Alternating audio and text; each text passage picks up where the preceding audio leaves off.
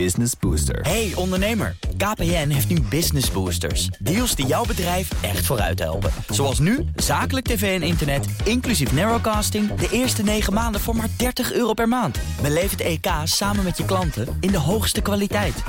Kijk op kpn.com slash businessbooster. Business Booster. BNR Digitaal wordt mede mogelijk gemaakt door Incentro en SecureLink. SecureLink. Safely enabling business. BNR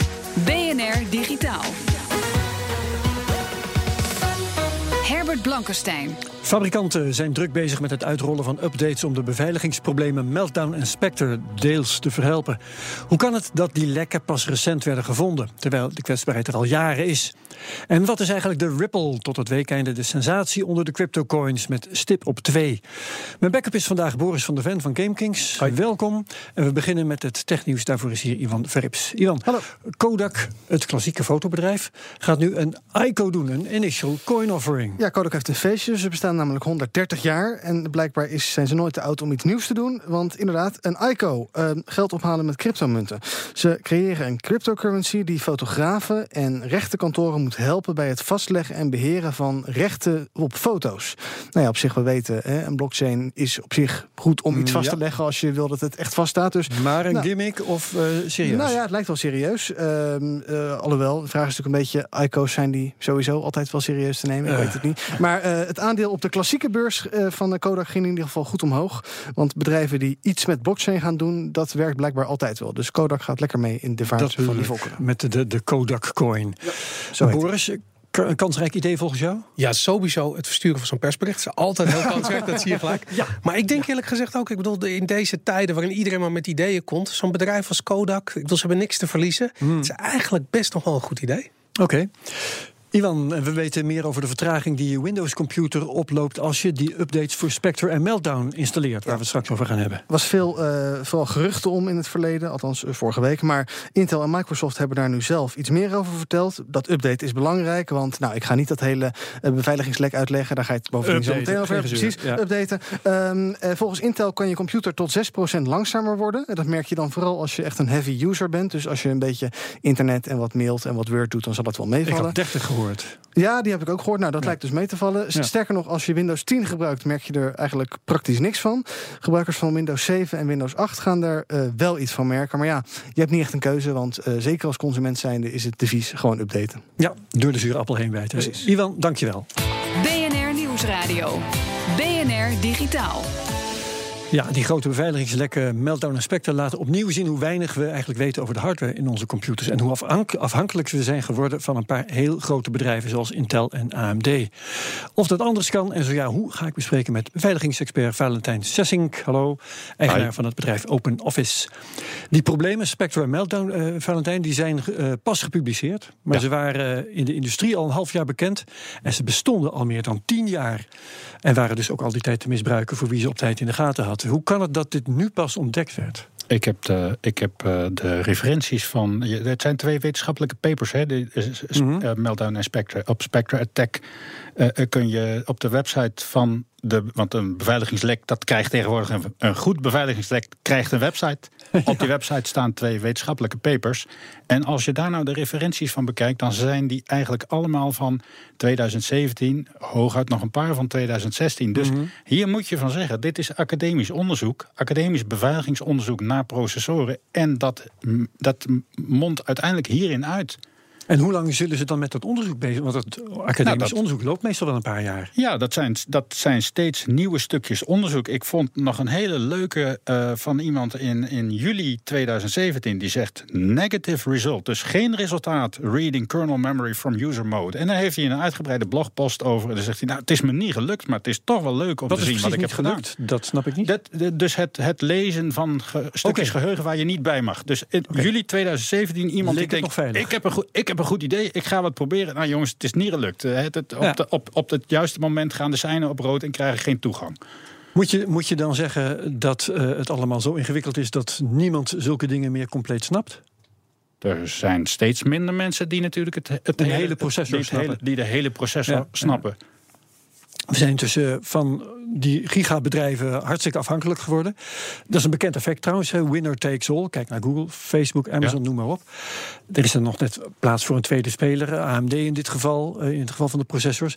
Is die monopolievorming nou onvermijdelijk? Die ons dan vervolgens kwetsbaar maakt? Ja, volgens mij moet je dat eigenlijk niet aan, aan een, aan een uh, uh, vragen, maar aan een econoom. Mhm. dit, dit, dit, is eigenlijk economisch onderzoek. Dat, dit, dit heet het netwerkeffect. En, en als ik, als ik in Ja. mijn eentje, het is een oud voorbeeld, als ik in mijn eentje een fax heb, is die niks waard. Maar als heel Nederland een fax heeft, dan is het opeens weer een boel waard. En nu is denk ik een fax niks meer waard, want af en toe zie je ze bij het vuilnis staan. Ja. Maar het geeft wel een beetje een idee hoe, hoe dat werkt. Ja. En als je dus in je eentje het operating system Windows hebt, dan heb je er niks aan. En als we het met z'n allen hebben, dan is het heel interessant om er applicaties voor te schrijven. Maar die applicaties Ja. maken het dan weer interessant maar het, is, het is niet speciaal een noodzaak dat eh, elke Windows-installatie op een Intel-processor draait. Nee, in brede zin moet je misschien zeggen dat het, dat het goed is om een ecosysteem te hebben. Er stond van de week een, een mooi hoofdredactioneel commentaar in NRC Handelsblad. Helemaal geen, geen tech-ding. Volgens mij was het afgelopen maandag. En dat begon met: elke landbouwer weet het, een monocultuur maakt kwetsbaar. Ja. Ja, dat Ja. is het. Ja, eh, elke, elke boer trouwens, dat geldt niet alleen voor, voor tarwe of zo, maar ook gewoon voor kippen en geiten. Dat weet Ja, dus ook. Eh, eh, elke varkensboer in Noord-Brabant weet Ja. dat 10 miljoen varkens op een- in één provincie, dat dat, eh, dat, dat geen gevaarlijk idee is. Ehm, even een, andere invalshoek. Eh, die, op Windows eh, 7 en 8 computers eh, kun je veranderingen merken in performance. Percentage, nou, daar ver- verschillen de meningen over. Waarom wordt je systeem nou precies slomer van die updates? Dan moeten we eigenlijk heel diep de techniek in, maar ik zal proberen het simpel te houden. Het komt er min of meer op neer dat alle losstaande programma's, die hebben een soort plattegrond meegekregen van dit is het geheugen wat jij kunt adresseren. Nou, dat is handig. Als je een plattegrond hebt, dan weet je waar je moet wezen. En als er op die plattegrond hier en daar een hek staat, dan weet je dat je daar eigenlijk niet moet wezen, want dan crasht het programma. Een hek met HEK in dit geval, hè? Een hek, ja. een schutting. Ja. Ehm, ehm, nou, nou blijkt dat die programma's met die plattegrond en een, een listige truc wel degelijk buiten hun eigen schutting kunnen kijken. De, eh, de reparatie is min of meer. We delen elk programma zijn eigen plattegrond uit. En daar staat alleen zijn eigen geheugenstructuur. Oké, maar als hij dan, ja. buiten, als hij dan iets buiten zijn schutting moet, een pakketje aannemen van de postbode. Of, hè, dus dat, ik moet iets op het netwerk, ik moet een file openen, ik moet interacteren met het operating system. Dan moet er opeens een nieuwe plattegrond in gebruik genomen worden. En die verwisseling, dat, dat merk je in, in performance. En als je dus heel veel dingen in de kernel heet dat. Als je daar heel veel dingen moet als programma, dan heb je er heel veel last van. Ja. En als je er niet zoveel doet en je bent een tekstverwerker, heb je er, merk je er niks van. Zegt Boris eh, van der Ven als backup van dienst. Eh, is dit een issue in de gamingwereld? Want als performance ergens belangrijk wordt gevonden, is het daar wel voor. Ja, dit is dramatisch. En dat ehm, eh, met name omdat AMD altijd de iets snellere processoren had. en gamers hielden van AMD. En dat is een paar jaar terug is dat omgeslagen. En dat kwam omdat Intel een inhaalslag had gehaald. En toen, of eigenlijk had gemaakt. En daardoor ja, betere prestaties leverde als het om gaming ging. Ehm, dit lijkt me eerlijk gezegd, zowel als gamer, maar sowieso als, als techfanaat. eh, ik hoef eventjes geen Intel-processoren meer. Maar wat is je alternatief? Ja, AMD. Ja, maar die hebben toch ook, die hebben toch ook eh, het hele Die, die hebben niet dit, eh, dit, diezelfde gevoeligheid. Nee, die hebben hier toevallig geen last van. Oh nee, die, hebben, oh, nee. die hebben hier toevallig geen last van. Dat maar sowieso, sowieso, ik weet, eh, mijn achtergrond is open source en Linux. En ik weet dat je in Linux deze, de, de reparatie gewoon uit kunt schakelen. Je kunt zeggen, joh, ik, heb, ik ga toch alleen maar een spelletje spelen. Maakt mij niet uit. Doe gewoon alle programma's diezelfde plattegrond. En dan heb ik helemaal geen last van een vertraging. Oké, maar dan, ik weet dan, niet, kan dat onder Windows ook? Eh, ik heb geen idee, kan. eerlijk gezegd. Maar, maar wat jij zegt, dat interesseert me om een andere reden. Het, het is, is het verantwoord om onder bepaalde omstandigheden die update gewoon achterwege te laten? Ja.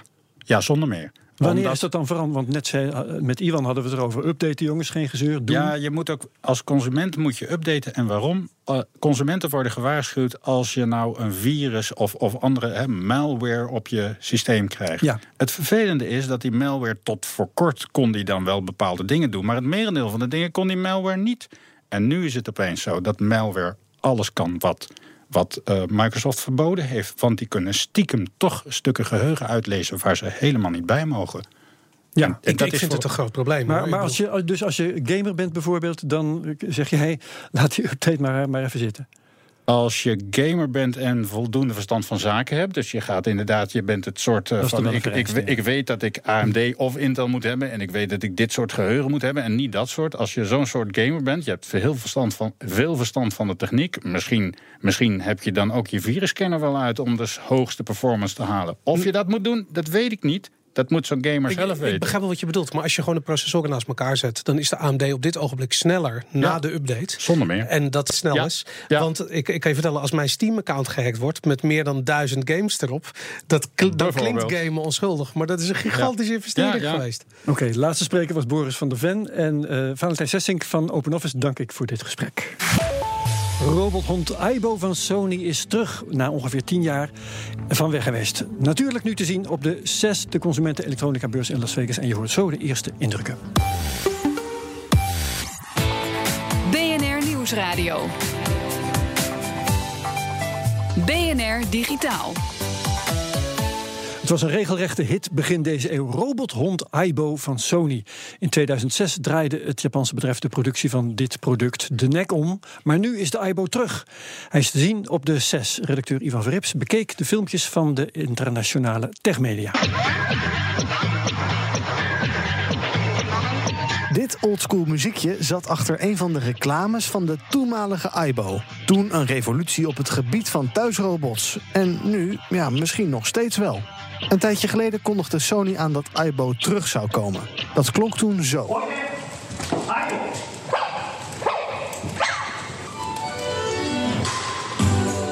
En daar kwamen een paar van die schattige hondjes het podium opgelopen. De grote internationale techmedia hebben de Aibo nu ook gezien op CES in Las Vegas. De nieuwe Aibo is veel geavanceerder dan de vorige modellen, zag The Verge. You can see these expressive OLED eyes that he seems to be uh, giving me the puppy eyes with. Uh, there are touch sensors all over it, so you can pet it under the chin, on the top of its head, on its back, and you can see how he reacts to uh, the sensation of being petted. There's a camera in his nose, so he can recognize people uh, in the family that he lives with, and there's a camera on his back, which helps orientate it in his surroundings. Maar wat de Aibo dan? It can sit, it can uh, fetch, it can shake your hand, uh, it can pick up the bone if, if it can align itself with the bone. So Ibo is using the, the camera right now to align himself with the bone, and if we're lucky, he's gonna look down and pick it up with his mouth. Dat oppikken van dat bot gaat nog niet helemaal soepel. Well, it was a, it was a good try. Good, good boy. CNET is in ieder geval enthousiast. But this is just, I mean, adorable. Look at how it moves, its articulation, its expressions. It's going to be 1700 US dollars. Ja, dat is wel een dingetje. Goedkoop is hij niet. En het is ook nog niet bekend of de Aibo naar Europa of naar de VS komt. En mogelijk nog een probleem, merkt Engadget op. The biggest problem you might have with your new robot pet is battery life. Sony says it's rated for two hours of play and it will take another three hours to charge it back up to speed. But even that won't be enough to stop some of you wanting one. Ja, dat is niet te ontkennen. De batterij van een echte hond gaat wel wat langer mee. En trouwens, als je denkt dat een robothond een gek idee is... The idea of a robot pet may seem strange. In Japan, like there was a huge, huge community of Aibo uh, owners who got really upset when uh, support for the line ended. Uh, there's no longer technical support for Aibo in Japan, and some people have even gone as far as to give funerals for their dogs. So this is the kind of thing that uh, people really do feel a bond with, and the technological advances are actually going to improve that kind of bond. Ja, en één voordeel van de Aibo boven een gewone hond: de Aibo hoef je niet uit te laten. En als je de filmpjes van The Verge, Engadget en CNET zelf wilt zien, linkjes vind je na de uitzending op bnr.nl/slash digitaal. BNR Nieuwsradio. Herbert Blankenstein. Cryptomunt Ripple loopt al lang mee, sinds 2012. Hij had lang een stabiele koers, die niet al te hoog was... maar dat veranderde een maand geleden opeens fors. De munt is flink gestegen, meer dan een factor 10... en inmiddels ook alweer een factor 3 of zo gedaald. Wat is het idee achter de Ripple en vanwaar die plotselinge belangstelling? Daar ga ik over praten met Jeroen Werkhoven, Ripple-volger... en beheerder van RippleNL op Twitter. Welkom Jeroen. Dank. We moeten twee dingen onderscheiden, begrijp ik. Het bedrijf Ripple en het product, en, en hun product, eh, de munt die eh, XRP wordt genoemd. Ja, dus eerst het klopt. bedrijf Ripple, wat is dat? Het bedrijf Ripple is eh, opgericht in 2012, zoals je zei. ehm, in een periode waarin over blockchain eigenlijk werd gedacht. eh, het lijkt wel alsof het een oplossing is op zoek naar een probleem. Dus de oprichters van Ripple dachten: we gaan eens eh, goed na. Waar kunnen we blockchain en cryptocurrencies nou echt goed voor gebruiken? En die hebben geïdentificeerd dat internationale betalingen een industrie is die rijp is voor disruptie. Ja, dat geloof ik ook. Dat, ja, het, het- je ziet het aan alle kanten als je zelf een transactie wilt doen. Het mooiste voorbeeld is altijd nog eh, als je geld zou willen overmaken naar Australië, dan kan je dat via eh, je bank doen. Eh, maar het is eigenlijk goedkoper en sneller om, nou goedkoper niet, maar sneller om naar de pinautomaat te lopen, geld uit de muur te halen en heen en weer te vliegen naar Australië. Ja, ja, ja. Ehm, overigens gaat dat met Bitcoin ook nog wel. Ehm, ja, je kan Bitcoin daarvoor gebruiken. Alleen dan gebruik je een, een munt die heel langzaam is en die relatief duur is. Dus de oprichters van Ripple hebben gezegd: eh, XRP eh, moet gebruikt worden als tussenvaluta en niet als valuta zelf. En dat betekent dat die heel snel eh, verstuurd moet kunnen worden. Ehm, wat, precies, en wat zijn dan de, de zeg maar, technische eigenschappen van, van die XRP, hè, of XRP, ja. die hem daar zo geschikt voor maken? Wat maakt hem dan snel in zijn transacties bijvoorbeeld? De manier waarop eh, de XRP Ledger, dat wordt eigenlijk ook geen blockchain genoemd, maar een ledger, eh, waarop die werkt, is eh, een andere manier dan de decentralisatie van Bitcoin. Er zitten geen miners in het systeem, er zitten alleen validators in dat systeem. En dat zijn eigenlijk financiële instellingen die met z'n allen de transacties goedkeuren. En doordat dat gebeurt op basis van reputatie en autoriteit, kan de XRP zeer snel gevalideerd worden. En dat leidt ertoe dat je hem binnen vier seconden kan versturen. En ook nog eens in aantallen van 1500 per seconde. Dus dat maakt hem heel aantrekkelijk voor financiële instellingen die hem voor cross-border payments willen gebruiken. En ik begrijp dat eh, die hem nu ook in elk geval bij wijze van experiment zijn gaan gebruiken op een enige schaal. Ja, en dat verklaart precies waarom in december die prijs zo is gestegen. Ehm, Ripple heeft allereerst eh, veiligheid eh, geboden voor eh, de hoeveelheid XRP die zij zelf in bezit hebben. Dat heeft de markt heel erg gerustgesteld. En vanaf dat moment zijn bedrijven gaan realiseren: hey, als, de supply beperkt is, dan is er de schaarste voor de munt. Dan kunnen wij met veel vertrouwen XRP gaan gebruiken voor die transacties. En wat je ziet is dat Ripple heeft dat altijd beweerd en aangekondigd. Dat is heel veel sceptisch over geweest. En nu zie je dat in Japan op de beurs, eh, en, eh, in het Japanse bankenwezen zelf, zelfs voor 80% van de banken eh, bereid is om XRP te gaan gebruiken nog dit jaar in hun transacties. Oké, dan kijk ik even naar Boris. Want jij bent ook een crypto-enthousiast. Ja. Ehm, ik hoorde jou over Ripple het woord shitcoin een keer eh, bezigen. Dus jij bent er niet zo erg enthousiast over. Nou, er zijn heel veel shitcoins hoor, daar niet van. maar, maar, maar Ripple staat wel bovenaan mijn lijstje. En Waarom? Het, na, eh, in een notendop, een van de oprichters van Ripple Labs, McCaleb, is ook een van de oprichters van eh Mount Gox. En daar heeft hij waarschijnlijk zijn idee op gedaan van op het moment als je zelf je coin in eh oneindig hoeveelheden kunt produceren, namelijk wat Mt. Gox deed met Bitcoin, ehm, eh, dan ontstaat er misschien wel een bubbel en dan dondert wel een keertje in elkaar. Maar is niet erg. Eh, wat hij daar geleerd heeft, vervolgens zou hij hier hebben kunnen toegepast, namelijk 100 miljard Ripple coins creëren en wachten tot daar op een gegeven moment op gespeculeerd wordt. Wat ook inderdaad gebeurd is. Ehm, ja, en dan ben je zelf wel even eigenaar van 60% van al die coins. eh, en dan ben je op papier dus heel erg rijk. Dat is mijn ene probleem. Andere grote probleem wat ik met Ripple heb, is dat het ehm, eh, ja, niet een, eh, een of geen decentraal, geen decentrale structuur heeft. En dat betekent dat transacties kunnen worden teruggedraaid. dat derde partijen zich kunnen bemoeien met transacties die in het verleden hebben plaatsgevonden. Beslag kunnen leggen op waarde. Ehm, het is geen store of wealth, wat Bitcoin wel is. Maar misschien is dat ook helemaal de bedoeling niet van Ripple. Alleen eh, ik denk dat veel eh, mensen, veel speculanten, die realiseren zich dat niet. Jeroen heeft Als- eh, Boris een punt. Eh, daar zou ik graag op inhaken. Ja, de, de, de, de- over Ripple bestaat heel veel misverstand. Ehm, en grappig genoeg komt dat voornamelijk inderdaad uit de Bitcoin community. Ehm, allereerst vertelde je, Ripple zou centraal zijn. Dat valt eigenlijk heel erg mee. Bitcoin is inderdaad permissieloos. En iedereen kan zich dus aansluiten. Dat kan bij Ripple ook. Alleen de mate waarin je kan bijdragen aan het netwerk hangt af van de mate waarin je anderen kan overtuigen dat jij betrouwbaar bent. Dus op dit moment is Ripple inderdaad de meest betrouwbare uh, ja, validator in het netwerk.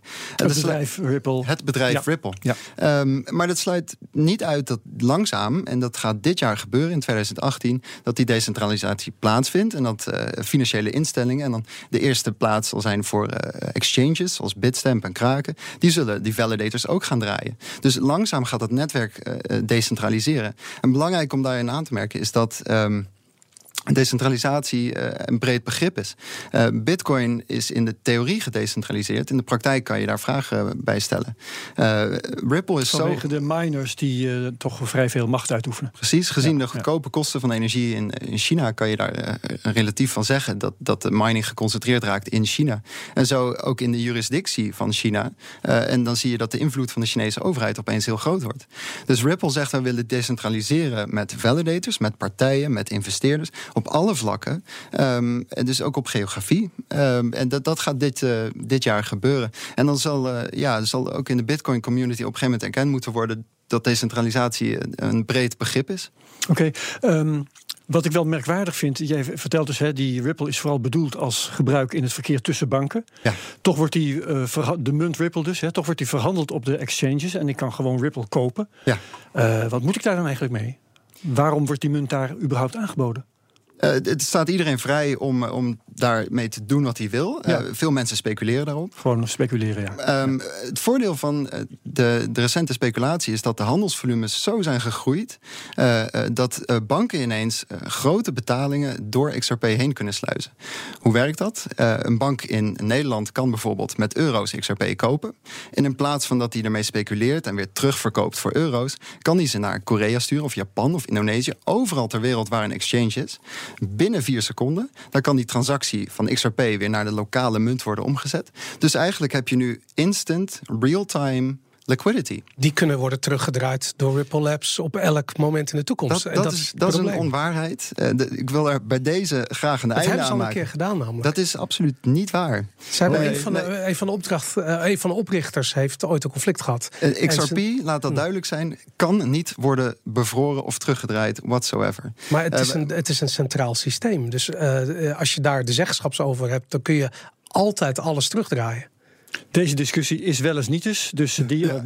uh, kap ik hier af. Ja. Mogen jullie na, buiten de studio, na de uitzending, mogen jullie die verder voortzetten. Uh, Jeroen Werkhoff, ik dank je, want de tijd is om voor uh, deze uiteenzetting over Ripple. Op Twitter te volgen via ripple.nl. Dankjewel.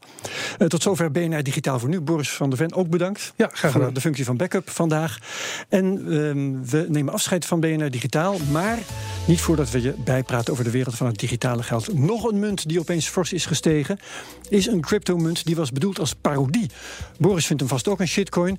Was opeens even meer dan 2 miljard dollar waard. Ik heb het natuurlijk over de Dogecoin. De munt is vernoemd naar de Doge meme. Plaatjes van Japanse Shiba-hondjes, je weet wel. Met daaromheen veelkleurige teksten, Engels in Comic Sans enzovoorts. De waarde van één Dogecoin was, voordat de magische grens van 2 miljard werd bereikt, flink gestegen. Zo'n 400 procent in de maand daarvoor. Maar één Dogecoin kostte op zijn hoogtepunt zondag dus alsnog 2 dollarcent. Het interessante aan de Dogecoin is dat de munt eigenlijk geen duidelijk doel heeft. En toch is hij zeer gewild, de bedenker van de munt. Amerikaan Billy Marcus snapt er zelf ook niet veel van. We verlaten de altcoins en de shitcoins en we gaan nog even naar de redactievloer. Rob Jansen, wat doen de bitcoin en de ether op dit moment?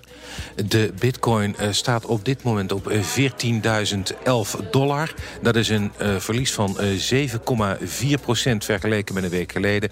En de ether staat op 1350 dollar. En dat is een plus ja. van 50,9 procent. Bitcoin worstelt een beetje en de ether breekt door alle plafonds. Dankjewel Rob Jansen. Iedereen bedankt wat BNR Digitaal betreft. Graag tot volgende week. BNR Digitaal wordt mede mogelijk gemaakt door SecureLink en Incentro. Een IT-bedrijf. Hardlopen, dat is goed voor je. En Nationale Nederlanden helpt je daar graag bij. Bijvoorbeeld met onze digitale NN Running Coach... die antwoord geeft op al je hardloopvragen. Dus, kom ook in beweging. Onze support heb je. Kijk op nn.nl slash hardlopen.